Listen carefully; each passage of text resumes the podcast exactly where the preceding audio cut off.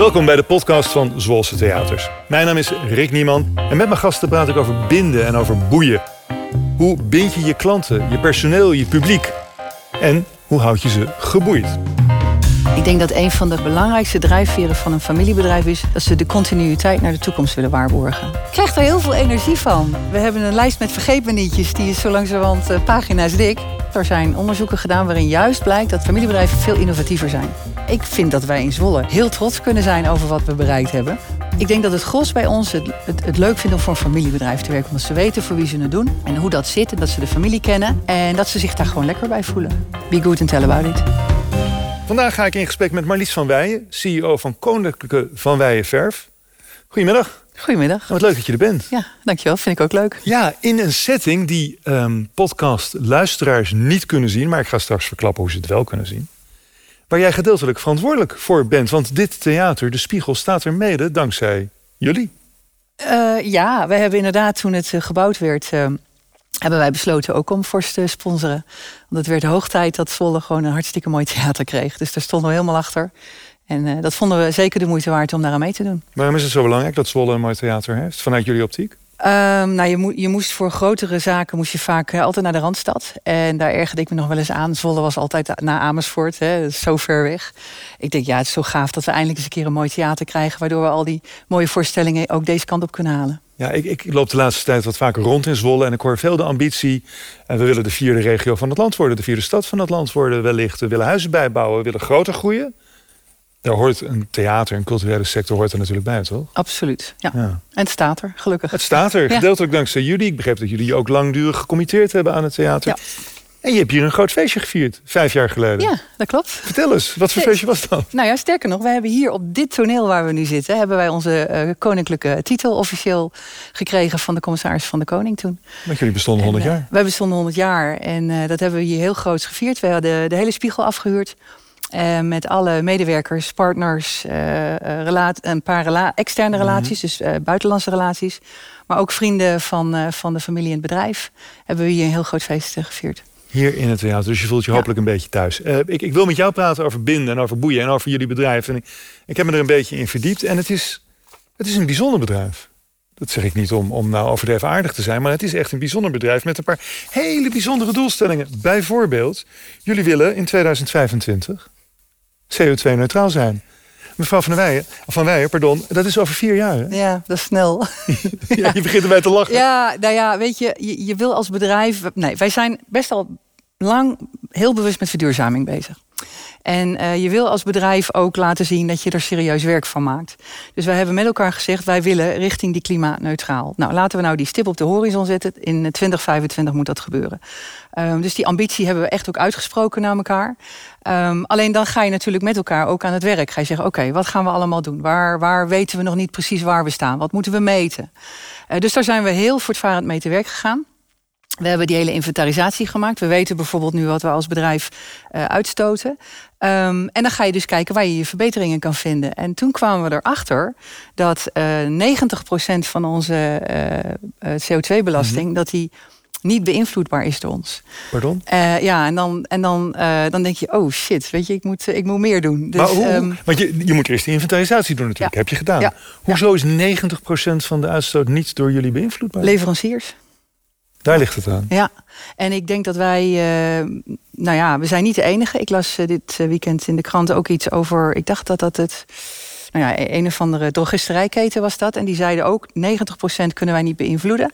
Ik denk, verrek, dat hebben wij ook. Mhm. Mm -hmm. En um, zou dat misschien een wetmatigheid zijn? Dat je daarin ook duidelijk ziet dat die hele keten zo belangrijk is. Want iedereen roept altijd wel, je moet in de keten verduurzamen. Nou, ik heb nu twee voorbeelden waar dit geldt. Dus misschien is dat wel heel duidelijk dat we met z'n allen veel harder uh, eraan moeten trekken. Uh, ik kom zo wat jullie doen, want dat is best bijzonder. Maar je kunt toch van je leveranciers ook niet 1, 2, 3 eisen dat die eventjes CO2-neutraal worden. Ik bedoel, je, je werkt met die mensen. Je kan misschien langzaam maar zeker stapje voor stapje wat dingen aan ze vragen. Maar niet over vier jaar, drieënhalf om precies te zijn, CO2-neutraal. Nee, maar het was voor ons wel een heel duidelijke uh, inzicht dat we kregen van joh, dat er zoveel buiten onze eigen invloedssfeer ligt. Ehm, en we hebben dus nu het plan opgevat, de brieven liggen klaar om met uh, een aantal belangrijke leveranciers het gesprek aan te gaan. Wat hun plannen zijn, wat hun termijnen zijn, hoe ze dat gaan doen. Uh, zodat we hopelijk daarin met elkaar wat, wat snellere stappen kunnen nemen. Ja. Dit gesprek gaat gedeeltelijk over binden, is een van de thema's. Ga je dan tegen ze zeggen: Oké, ik wil graag dat je het zo doet en sorry, anders zoek ik een ander? Of moet ik denken aan een soort langjarig traject dat je elkaar aan elkaar verbindt en dat je zegt: Oké, jongens, zullen we samen kijken? Ja, wij zijn, wij zijn best wel wel leverancierstrouw altijd geweest. Um, we ontwikkelen ook samen met leveranciers. Dus ik wil eigenlijk gewoon het gesprek aangaan. Want ik heb wel gemerkt dat heel veel bedrijven uh, er echt wel heel serieus mee bezig zijn. Um, het zal nu in de versnelling zijn gekomen door die rapporten van de Verenigde Naties die zijn verschenen. Ik ben wel blij dat die rapporten er nu liggen. Die vrij nou, doemscenario's, ja, dat zijn dat niet, het zijn echte scenario's. Zijn niet leuk, nee. Nee. Maar ze liggen er wel. Uh, en ik denk dat ze juist handvaten bieden, bieden om die versnelling uh, in te gaan zetten. Dus ik zie juist heel erg uit naar die gesprekken. Omdat je dan samen kan kijken, kunnen we het uh, beter gaan doen. Je ziet ernaar uit, maar het zullen, ook, het zullen ook best pittige gesprekken worden. Ja, wellicht. Of, of, verrassend. Dat we opeens horen waar ze over drie jaar willen staan. Ja. Nou, dat is ook leuk. Dat is ook leuk. Ja, nee, maar dit soort gesprekken voer je niet zo vaak met je leveranciers. Nee, gaat over goede geld. producten hebben, precies, voor, een, uh, voor een goede prijs. Uh, uh, en, en, en daar waar jij ook weer goede dingen mee kan doen. En, en dit is toch even op een ander, ander level met elkaar praten. Jullie bestaan nu 105 jaar, hè, want het feestje was vijf jaar geleden, als ik het wel heb. Hoe er wordt vaak gezegd van familiebedrijven langere, en langere termijn. We kijken generaties vooruit. We zijn er niet voor de korte termijn. Dus je, je, bent sowieso, want je bent allemaal familie aan elkaar gebonden. Maar wat, wat neemt een familiebedrijf extra met zich mee vergeleken met andere bedrijven? Dat die band blijkbaar zo close is dat je 100 plus jaar kan bestaan. Um, ik denk dat een van de uh, belangrijkste drijfveren van een familiebedrijf is dat ze de continuïteit naar de toekomst willen waarborgen. En continuïteit waarborgen betekent dat je op langere termijn moet kijken. Dat je niet kan zeggen, we doen nu dit jaar dit, want dan hebben we volgend jaar die en die winsten. Uh, als je uh, je probeert te anticiperen op wat er kan gaan gebeuren, daar ook acties op onderneemt, daar ook uh, op investeert. en daarbij zegt geld is een middel en geen doel op zich. Winstmaximalisatie is het niet, maar is winstoptimalisatie dan heb je dus veel meer kansen, denk ik, om naar die toekomst toe langer te blijven bestaan. Waarbij ik wel moet zeggen dat in onze situatie, wij bestaan dan nou in de vierde generatie, uh, 105 mm -hmm. vierde generatie. Uh, dat die vierde generatie, um, de getallen die daar nu van bekend zijn, dat is maar 4% van de familiebedrijven die dat redt. Ja. Maar dat wil niet zeggen dat een familiebedrijf over kan gaan, niet over kan gaan in een andere familie. Dus het is ook wel zo dat als er geen opvolging is, dat een bedrijf verkocht wordt aan een familie die weer opnieuw uh, die dat familiebedrijf doorzet. Ja, want het gaat ook wel eens wat mis. Ik heb Frits van Eert van Jumbo wel eens horen zeggen... ik ben derde generatie, dus in principe ben ik op de aarde gezet... excuseer helemaal om de boel te verkloten. Ja, dat, dat, dat zegt hij dan. in de boekjes ook wel eens, maar... Ben jij dan de derde generatie? Of vierde. Jij bent dan de vierde? ik ben de vierde. Jij bent de vierde. Dus, dus ja. de derde heeft het al overleefd. Um, maar hoe ga je dan om met naar die toekomst kijken? Ik kan me voorstellen dat familiebedrijven vaak conservatief zijn... of, of juist niet. Juist niet. Er is, uh, en nee, dat is een groot misverstand. Er zijn onderzoeken gedaan waarin juist blijkt dat uh, um, familiebedrijven veel innovatiever zijn. En het gebeurt ook nog wel eens dat uh, de grote bedrijven wachten totdat er wat interessante dingen gebeuren en er dan overheen walsen. En iedereen zegt: Goh, wat hebben ze dat geweldig gedaan. Ze kijken Terwijl, wat jullie ja, hebben. Sorry dat ik onderbreek. Ja, ze kijken wij, maar, maar, wat er ontwikkeld is en dan pikken ze daar de kersen uit om daarmee goede sier te maken. Wij, wij proberen denk ik meer uit doordat we willen zijn als familiebedrijven. We gaan daardoor ook wel op onze bek en we verliezen er ook wel geld door. Um, maar dat, dat is all in the game. Dat maakt het ook zo leuk om, uh, om gewoon je eigen baas te zijn. En, en ja, weet je, zolang je het bedrijf daarmee uh, niet in gevaar brengt, maar wel probeert stappen vooruit te maken, door eens een keer je nek uit de deur steken, gecalculeerde risico's noem ik dat dan liever, mm -hmm. dan uh, ja, dat is de fun. En, en, en wij zeggen in onze familie ook heel graag van uh, het is lonely at the top, maar de wind waait verdraait lekker om je neus. Het is lonely at the top, maar de wind draait ja. verdraait lekker om je neus. Die houden we erin. Ja. Um, ik zag, en ik, vond, ik, vond, ik wist dat niet en ik vond het opmerkelijk, dat jullie verschillende dingen doen op het gebied van research. Je hebt hier in Zwolle heb je, ik, had het, ik spreek het waarschijnlijk verkeerd uit, de Polymer Science Park. Polymer Science Park. Polymer ja, Science Park. Tegenwoordig ook in Groningen op de Zenica campus, dat jullie daar oh ja. dingen ja? doen. Maar ja, vertel het alsjeblieft maar. Om, om wat? Innovatief en verf. Wat, wat, wat kan je innoveren met verf? En, en waarom doe je dat zelf? Oeh, pijnlijke vraag. Waarom? We zijn hartstikke innovatief. Ja, ik weet, als je een potje verf koopt, dan denk je, nou, het is een leuk kleurtje en dat is vloeibaar. Nou, ik geloof wel dat het een beter is dan het ander. En ik kan uh -huh. me zelfs nog voorstellen dat het een duurzamer is dan het ander. Omdat er grondstoffen in zitten die misschien niet helemaal goed zijn? Je kijkt me aan alsof ik gek ben. nee, nee, nee. Ik, ik nodig je bij deze van harte uit om een keer te komen kijken. Maar oh, dat wij hebben, graag, maar uh, nee, maar we hebben een groot lab, omdat, Ja? wij, eh, omdat wij veel dingen moeten, eh, moeten onderzoeken op het, op het eh, laboratorium. Eh, een voorbeeldje. Ehm, in, in 2010 eh, is het oplosmiddelgehalte wat je mag toepassen in eh, lakken buiten is eh, eh, verlaagd. Dat betekent dus dat je al je producten op de kop moet gooien. Ik heb 80% van mijn eh, producten heb ik opnieuw moeten formuleren. En de klant die het koopt, die verwacht dat ze dezelfde kwaliteit weer krijgen als dat ze gewend waren om hun huis te beschermen. Je ziet het niet, maar ze zijn er dus wel. Zoals je dat bij boterverf al heel lang geleden had, heb je dat nu ook bij buitenlak. Heb je dat ook bij. Ja, nou, eh, Maar dat soort wijzigingen op Ja. wetgevinggebied moeten wij constant pareren door nog steeds goede of betere producten op de markt te zetten. Dus we innovatieve ons drie keer in de rond, we innoveren ons drie keer in de, ronde. Ja. Maar wat we nu gedaan hebben is eh, ons lab in, in Zwolle, daar, nou ik denk dat daar een 15 man, 15, 20 man eh, zit. Dus het is een behoorlijke club. Ehm, en in Groningen hebben we een, eh, een nieuw lab ingericht. We zijn ooit begonnen inderdaad in PSP. Daar hadden we een ruimte gehuurd. Dat is zo'n verzamelplek. Eh, maar we hebben nu gezegd, we moeten naar een plaats toe waar we eh, ehm, beter eh, aan de mensen kunnen komen, maar ook betere faciliteiten hebben. En dus hebben we gekozen, uiteindelijk na een rondgang door Nederland voor Groningen, om daar ons, ons Weido-lab neer te zetten. En eh, dat is eigenlijk ehm, een lab wat erop gericht is waar ontwikkelingen die wat verder weg liggen in de toekomst en wat verder weg liggen van de coatings die we dus nu in, eh, in het busje stoppen eh, ontwikkelen. Maar dit doe je Ehm. toch niet alleen maar omdat er wetgeving is die zegt dat dit anders moet. Volgens mij loop je ver voor de troep uit. Volgens mij ben je al aan Nee, bezig. toch? Groningen is inderdaad Precies. bedoeld om veel meer die. kijken, die, wat kan er ja, allemaal nog? Ja, ja, dus daar hebben we microbiologen in dienst, daar hebben we chemici in dienst. Ehm, dus die zijn echt met, op een andere manier aan het kijken, maar dat duurt ook langer voordat er wat uitkomt. En doe je dat dan alleen maar om de eh, continuïteit van het bedrijf te waarborgen? Of doe je het bijvoorbeeld ook, wat je veel van de jonge generatie nu hoort... in deze buitengewoon krappe arbeidsmarkt... wij willen werken voor bedrijven die iets toevoegen, die iets betekenen... die betekenisvol zijn, die niet alleen maar voor winst... Maximalisatie gaan. Maximalisatie, Eh, een moeilijk woord. Niet voor alleen maar zoveel mogelijk winst, maar ook Ja. gewoon voor iets betekenen in de samenleving. Speelt dat ook een rol dat je nu mensen aan kan trekken, omdat je kan zien, kan laten zien van kijkers, wij zijn echt met duurzaamheid in de toekomst bezig? Nee, daar hebben we, het lab, we hebben het lab niet opgericht Niet om mensen daarvoor aan te trekken, maar wel om juist die ontwikkelingen, die verduurzaming, een, eh, een extra ehm, versnelling te kunnen geven. Eh, en om ook eens wat breder te kijken. Ehm, ja, een stukje risicospreiding is natuurlijk wel heel belangrijk. Eh, dus ehm, we zijn daar nu met een paar hele leuke ontwikkelingen bezig. Het eerste wat uit dit lab zeg maar, is gekomen, toen zat het nog niet in Groningen, is een, eh, is een UV-vloercoating waar we nu op de markt mee zijn. Een UV-vloercoating dus, dat is? Met- dat is een, een lak die we, of een, een coating die we kunnen uitharden met UV-licht direct. En die is dus ook gelijk mechanisch en chemisch belastbaar Hm. enzovoort. Ehm, dat was nieuw voor ons. En ehm, nou ja, dat is, dan, dat is dan iets wat je daaruit ontwikkeld hebt, waar je ook de tijd voor hebt genomen. Dat is overigens nog een belangrijke reden dat ik het apart heb gezet. In je reguliere laboratorium, daar wil je nog wel eens geregeerd worden door de waan van de dag. En op het moment dat je dus dat eh, wat meer loskoppelt, dan krijgen de mensen die daar werken meer rust om aan een aantal ontwikkelingen te werken die gewoon ja, op de langere termijn gericht zijn. En dat maakt het ook voor mij aantrekkelijk om dat separaat eh, te doen. Terwijl je nog niet weet of dat geld op gaat leveren. Nee. Je weet nog niet. Nee, weet ik nog niet. En toch doe je het. Ja, verschrikkelijk leuk. ja, echt. Alles ik, krijg daar heel veel, Yo, ik krijg daar heel veel energie van. Weet je, dit, we, hebben een, we hebben een lijst met vergeetmenietjes. Die is zo langzamerhand uh, pagina's dik.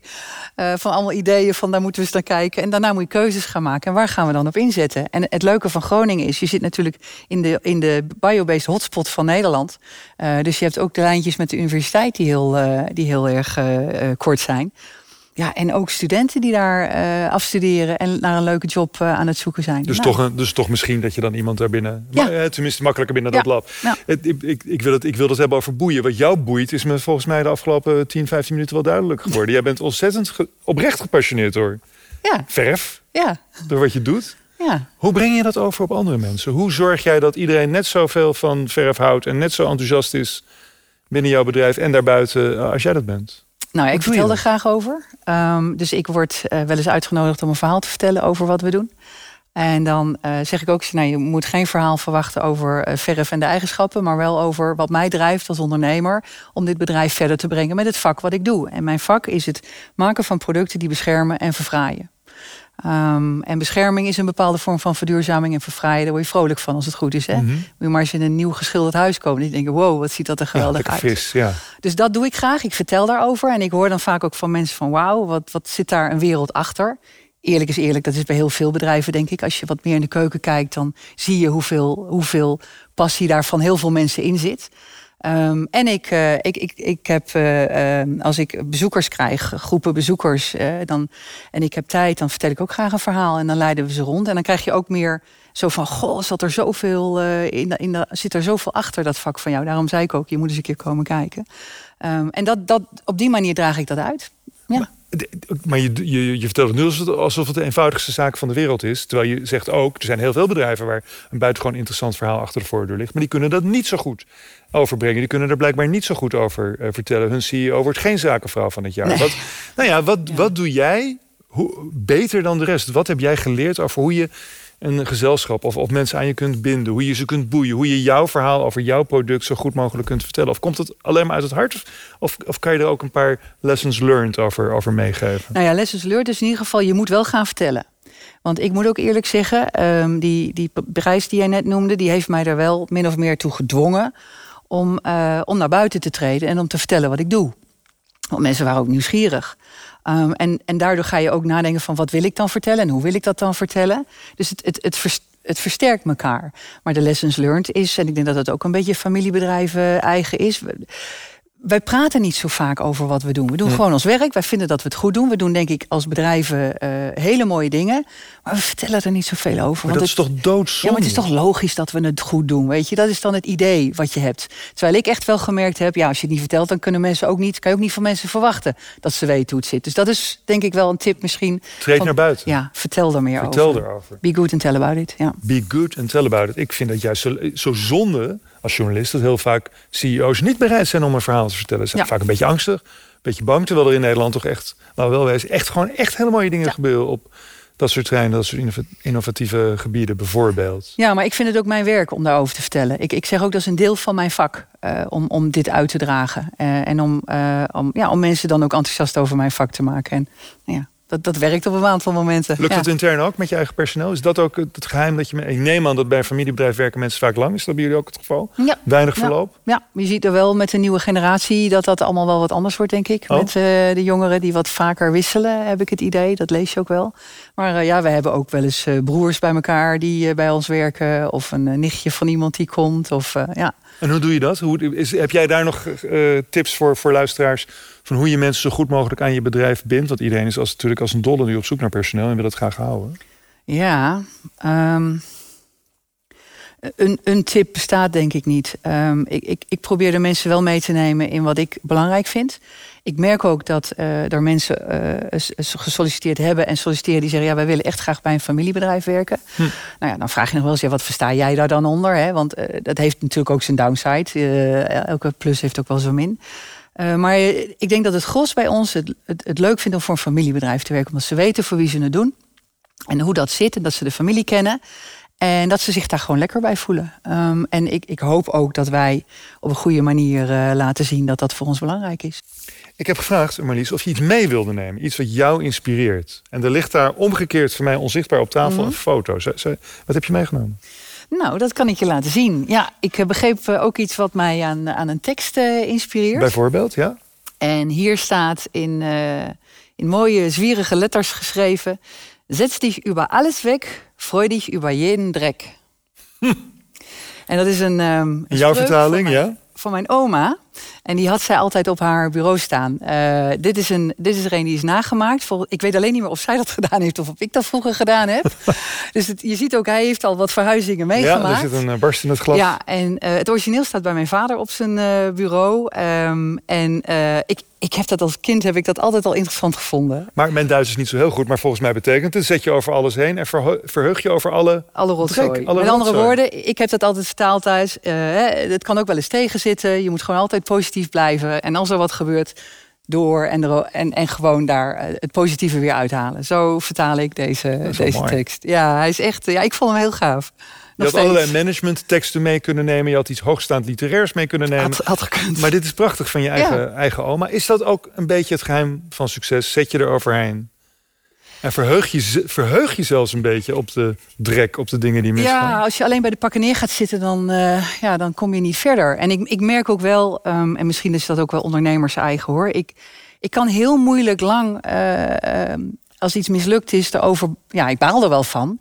Maar ik, ik ga direct in de modus van: oké, nou, dit is dus mislukt. Ehm, wat kan ik eruit halen? Nou, en dan, en dan ga je weer door. En, en dat is heel erg wat ik terugvind ook in deze tekst. En misschien dat hij me altijd daarom al wel mhm. heeft uh, geïnspireerd. Terwijl ik toen helemaal nog niet wist dat ik uh, dit vak ging uitoefenen. Dus, um, je dat niet? Ik bedoel, je, je bent vierde generatie. Je, je ja. is niet zeker dat je in het bedrijf terecht zou komen? Nee, nee, nee, nee, nee, helemaal niet. Nee, ik wou eerst heel wat anders doen. Ik wou ooit bioloog worden. En uh, dat leek me helemaal het summum. Maar ja, dan moet je echt gaan kiezen. En je bent opgegroeid met het bedrijf. Of je het nou wil of niet. Hè. Je, je, je ging er de weekenden wel eens heen. Je hebt de vakantiewerk gedaan. Het was altijd gespreksonderwerp aan tafel. Aan, tafel. aan de beruchte keukentafel. Ja, en toen het puntje bij het paaltje kwam... toen ben ik toch bedrijfskunde gaan studeren. En uh, ja, stond ik open voor een plek in het bedrijf... wat dan uiteindelijk uh, algemeen directeur is geworden. Um, maar wat ik, wat ik wel geconstateerd heb, en dat vertel ik ook tegen mensen, nu met die hele verduurzaming, kan ik eigenlijk die twee passies heel mooi combineren. Ja, want ik bedoel, ik heb twee passies, heb ik ergens gelezen van je. Ja. Verf, ja. hebben we het uitgebreid over gehad. En biologie. En biologie. Ja. ja. En daar doe je ook nog steeds van alles mee. Ja. En is er dan een link met het bedrijf of is het echt helemaal los uh, daarvan? Eh, nou ja, je hebt als bedrijven, eh, dat kan je tegenwoordig ook zien, heb je gewoon invloed op wat er gebeurt eh, in de wereld. Dus eigenlijk kan je het helemaal niet meer los van elkaar zien. Dat dachten we misschien vroeger wel, maar mhm. dat is helemaal niet zo. Um, dus ik, ik, ben inderdaad sinds een aantal jaren uh, voorzitter van de stichting Future for Nature. Um, dat is een stichting die ooit ontsproten is bij Burgersoe. En de dierentuin in, mm -hmm. in Arnhem. Um, en wij, wij elk jaar kiezen we drie jonge natuurbeschermers wereldwijd. Dus die kunnen uit alle delen van de wereld komen. Die een podium krijgen en een, een bedrag van 50.000 euro voor hun project. Om dat verder, verder te helpen. En dat is zo verschrikkelijk inspirerend en zo gaaf om te doen. Uh, en daarmee probeer je eigenlijk um, een, een, nieuwe groep Jane Goodalls en David Attenborough's uh, te creëren. Die, ja, die ook een stukje verschil kunnen maken in de wereld. En een stuk bewustwording te creëren van hoe belangrijk het is waar we allemaal nou ja, zo makkelijk over denken. Nou, dus ja. ik, ja, ik zit daar... niet te makkelijk. Ja, ja jij vindt wel, je zit er vrij stevig in geloof ik. Nou ja, ik, ik, ik, ik, heb daar de luxe om met biologen te mogen mm -hmm. zitten. Ik, ik hoor deze jongere, jonge mensen praten over wat zij zien gebeuren. En dan, dan schrik je toch echt wel hoor. Ja?